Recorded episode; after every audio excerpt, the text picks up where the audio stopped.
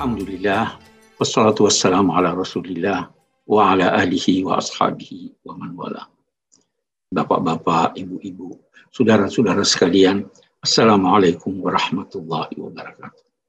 Eh, yang pertama, saya ingin eh, mengantar uraian kita menyangkut Ashabul Kahf. Eh, dengan berkata, Al-Quran mempunyai tiga tujuan pokok.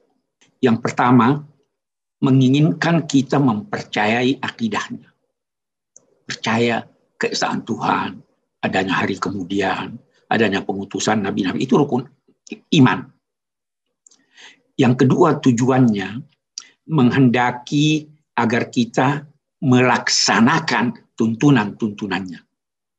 Yang ketiga, Al-Quran menghendaki kita menghiasi kepribadian kita dengan akhlak. Jadi tujuan kehadiran Al-Quran itu akidah, pelaksanaan tuntunan-tuntunannya, dan akhlak.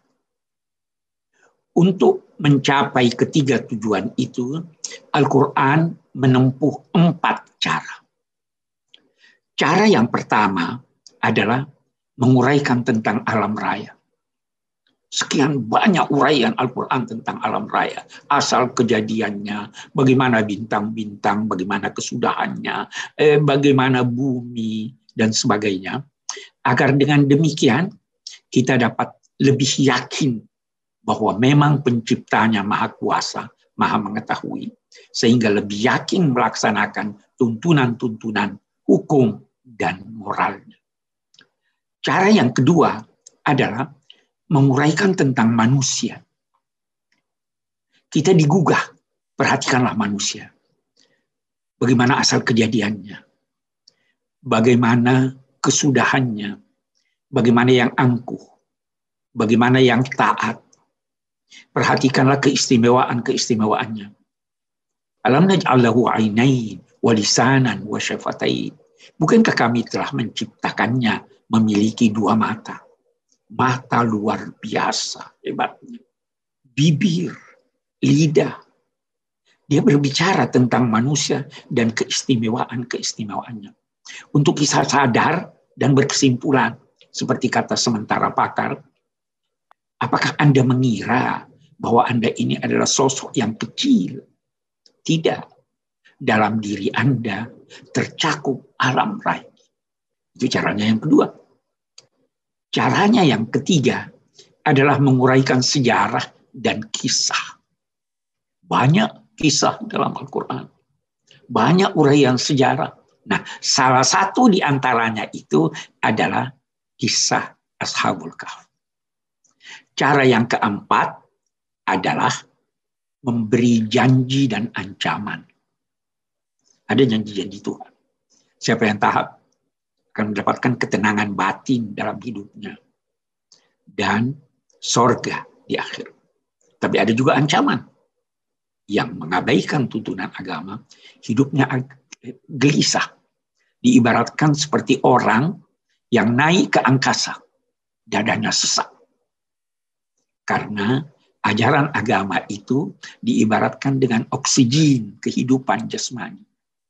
Semakin tinggi kita ke atas, semakin berpotensi besar untuk kita sesat. Nah demikian juga yang meninggalkan tuntunan agama yang merupakan oksigen kehidupan rohani itu semakin ditinggalkan, semakin sesak nafas kehidupan kita. Ancaman, janji, manusia, alam raya, dan kisah. Di surat Al-Kahf ada lima kisah Walaupun yang populer dari namanya itu kisah Ashabul Kahf. Lima kisah itu, yang pertama adalah kisah Ashabul Kahfi. Yang kedua, ada dia ceritakan tentang dua orang pemilik kebun.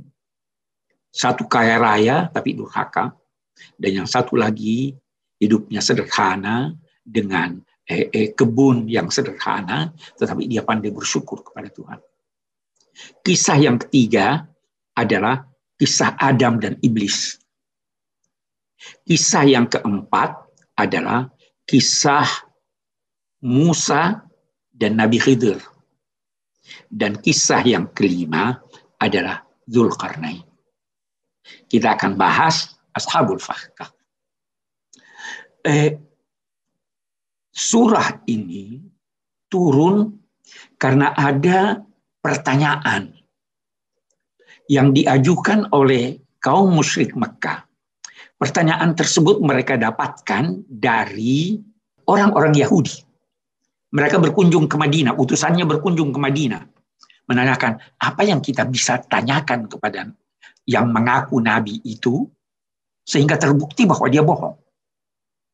Maka orang-orang Yahudi itu berkata, tanyakan kepadanya tiga hal. Yang pertama, kisah pemuda-pemuda yang sungguh menakjubkan. Yang kedua, tanyakan dia tentang Zulkarnain, seorang tokoh yang menjelajah dari barat ke timur. Bagaimana kisahnya? Dan yang ketiga, tanyakan dia tentang ruh. Apa itu ruh? Baru dalam riwayat dikatakan, kalau dia menjawab tentang ruh, ketahuilah bahwa dia bohong. Kalau dia berkata tidak tahu, itu memang dia nabi. Nah, ketiga pertanyaan ini diajukan kepada Nabi Shallallahu Alaihi Wasallam. Beliau berkata, besok saya jawab. Saya harus menanti wahyu dari Tuhan. Tapi besok malaikat Jibril tidak kunjung datang. Lusa tidak kunjung datang. Sampai 15 hari baru turun ayat-ayat yang berbicara tentang Ashabul Kahf yang menjawab salah satu pertanyaan mereka menarik awal ayat yang berbicara tentang Ashabul Kahfi itu dikatakan begini. Am hasibta anna ashabal kahfi warraqimi kanu ayatina ajaba. Apakah mereka mengira bahwa peristiwa yang dialami oleh ashabul kahf itu sesuatu yang peristiwa yang menakjubkan padahal sekian banyak hal lain yang jauh lebih menakjubkan dari itu. Memang ini menakjubkan, tapi tidak ada artinya dibanding peristiwa-peristiwa lain yang justru jauh lebih menakjubkan dari itu. Mari kita lihat. Kejadian alam raya. Sungguh menakjubkan. Eh, eh, kejadian manusia sungguh menakjubkan. Tetapi persoalan kita manusia bahwa terbiasanya kita dengan sesuatu sering kali mereduksi ketakjuban kita. Kita tidak takjub lagi melihat api membakar. Kita akan takjub kalau melihat ada api tapi tidak membakar. Anda bisa berkata, ada potensi api yang diberikan oleh Tuhan kepadanya sehingga dia dapat membakar. Tuhan yang memberinya. Tapi Tuhan juga bisa mencabut potensi itu. Ketika dicabutnya, kita takjub. Tetapi karena kita lihat sehari-hari api membakar, begitu dia membakar kita tidak takjub. Jadi kebiasaan mereduksi ketakjuban. Takjub kita melihat manusia ini luar biasa. Tapi kita sudah terbiasa. Anda tidak berpikir bagaimana kita berbicara. Bagaimana kita mengingat? Bagaimana kita memandang? Bagaimana akal kita? Kalau kita pikirkan tentang tata cara kerjanya, itu sungguh menakjubkan. Tapi kita tidak berpikir dan kita telah terbiasa mampu berbicara, mampu mengingat, padahal sebenarnya ada proses yang sangat-sangat unik, yang sangat menakjubkan, sehingga kita dapat berbicara. Lihatlah tangan Anda, Bagaimana dia bisa meraba yang halus? Bagaimana dia bisa menggenggam yang keras? Jadi kebiasaan mereduksi ketakjuban. Allah berkata, jangan duga ini amat menakjubkan. Apa kamu kira itu sudah sangat menakjubkan? Ada yang lebih menakjubkan dari itu. Itu pertama yang Tuhan garis bawahi. Supaya kita jangan berkata, wah ini tidak mungkin. Eh, ada yang lebih hebat dari ini. Karena sehari-hari kita lihat, kita berkata itu mungkin. Itu yang pertama yang digarisbawahi oleh Al-Quran sebelum berbicara, sebelum menjawab pertanyaan mereka. Am hasibta anna ashabal jannat kahfi warraqimi kanu min ayatina ajaba. Baru dia katakan. Renungkanlah ketika pemuda-pemuda itu menuju ke suatu gua yang besar. Kah itu gua besar. Memang mulutnya, pintu masuknya boleh jadi kecil, tetapi di dalam luas. Itu arti kah. Ketika mereka menuju ke, ke, ke kahfi itu, mereka berdoa. Rabbana atina bil ladunka rahmah.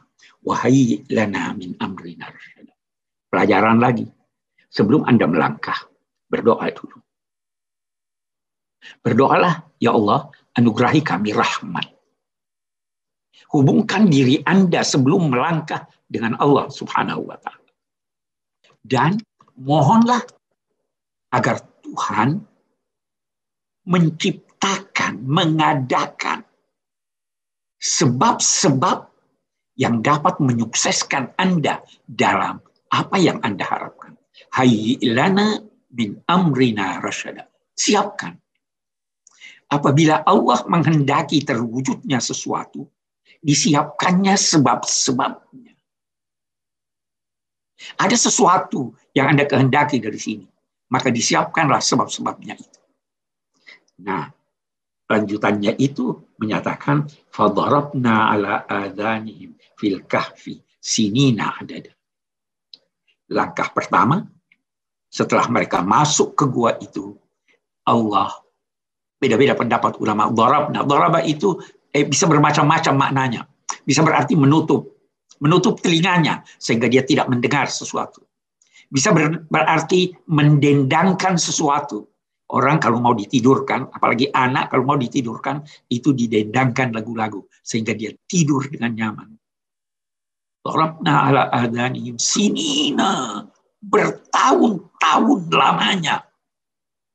Di sini mulai kisah Ashabul Ada pemuda-pemuda yang ditidurkan Allah bertahun-tahun sehingga pada akhirnya mereka terbangun tapi menemukan suatu situasi, menemukan suatu keadaan yang berbeda dengan keadaan mereka. Kita ingin berhenti lagi melihat kisah ini. Eh, itu dikatakan bahwa mereka itu sebelum ke gua berusaha untuk meyakinkan masyarakatnya. Itu di ayat eh, selanjutnya itu dikatakan eh, bahwa mereka mengajak tapi setelah sadar bahwa ajakan mereka tentang ketuhanan yang Maha Esa tidak diterima oleh masyarakatnya, maka ketika itu juga mereka berkata, kalau demikian Mari kita menyelamatkan ajaran agama kita, menyelamatkan akidah kita. Kita pindah ke suatu tempat yang tidak dapat disentuh oleh keburukan, tidak juga dapat kita tersiksa oleh penguasa yang kenyam. Sebelum saya lanjut, eh, pakar-pakar berbicara di mana kejadian ini? Al-Quran tidak menyebutkan di mana. Pakar-pakar ada menyebut bermacam-macam pendapat. Tidak kurang dari 40 tempat yang mereka sebutkan. Yang populer ada lima. Dari yang lima itu ada dua yang eh, sangat populer. Ada berkata itu di Turki. Sekitar 70 km dari kota Izmir di sana ada gua. Ada yang berkata itu di Damaskus. Ada yang berkata itu di Palestina. Ada yang berkata itu di Skandinavia. Konon ditemukan di sana tujuh eh, mayat yang masih utuh dengan eh, ciri-ciri pakaian orang-orang Romawi. Dan yang terba yang relatif terbaru pada tahun 1963 ditemukan suatu gua yang hampir dapat dikatakan sesuai dengan ciri-ciri yang dijelaskan oleh Al-Quran. Gua itu berada di Amman sekitar 8 km dari pusat kota Amman, Yordania. Di sana ada gua, matahari ketika terbit masuk melalui pintu gua yang di sebelah kanan, dan ketika terbenam, matahari menyentuh mereka dari mulut gua di belakangnya. Itu yang terlihat. Ada bekas-bekas masjid, ada tulisan-tulisan, dan lain-lain sebagainya. Tetapi saya ingin berkata begini dari sisi tuntunan Al-Quran. Al-Quran tidak menjelaskan di mana tempatnya. Al-Quran tidak menceritakan kapan terjadinya. Yang konon terjadi atau mereka tertidur itu sekitar eh, tahun 112 Masehi. Al-Quran tidak menjelaskan itu. Mengapa? Al-Quran tidak menjelaskannya. Karena dia ingin mengajak kita untuk memperhatikan substansi, bukan orang, bukan tempat. Karena itu, kata eh, ulama besar Mesir, Syekh Sya'rawi, beliau berkata, kalau Al-Quran berbicara tentang suatu kisah, suatu peristiwa yang menyebut nama atau tempat, maka itu tidak akan terulang lagi. Itu sebabnya nama Sayyidah Maryam disebut tidak akan terulang lagi peristiwa semacam itu. Tapi Fir'aun disebut. Qarun disebut. Karena itu bukan nama. Itu gelar. Nah, jadi dia tidak menyebut tempat. Dia tidak menyebut nama. Agar supaya kita tidak melihat kepada sosoknya, tidak melihat kepada tempatnya, tidak berkata itu karena si A demikian dan si B demikian. Tidak. Itu bisa terjadi kapan di mana saja tanpa melihat tempat ini atau sosok. Itu cara Al-Quran. Karena itu pula banyak ulama yang menasehati. Sudah tidak usah terpaku untuk bertanya kapan terjadinya. Di mana terjadinya. Tapi carilah hikmah yang dapat ditarik dari kisah ini untuk apa? Untuk mengukuhkan akidah Anda. Untuk menjadikan Anda lebih giat melaksanakan tuntunan-tuntunan agama dan lebih giat menghiasi diri Anda dengan akhlak.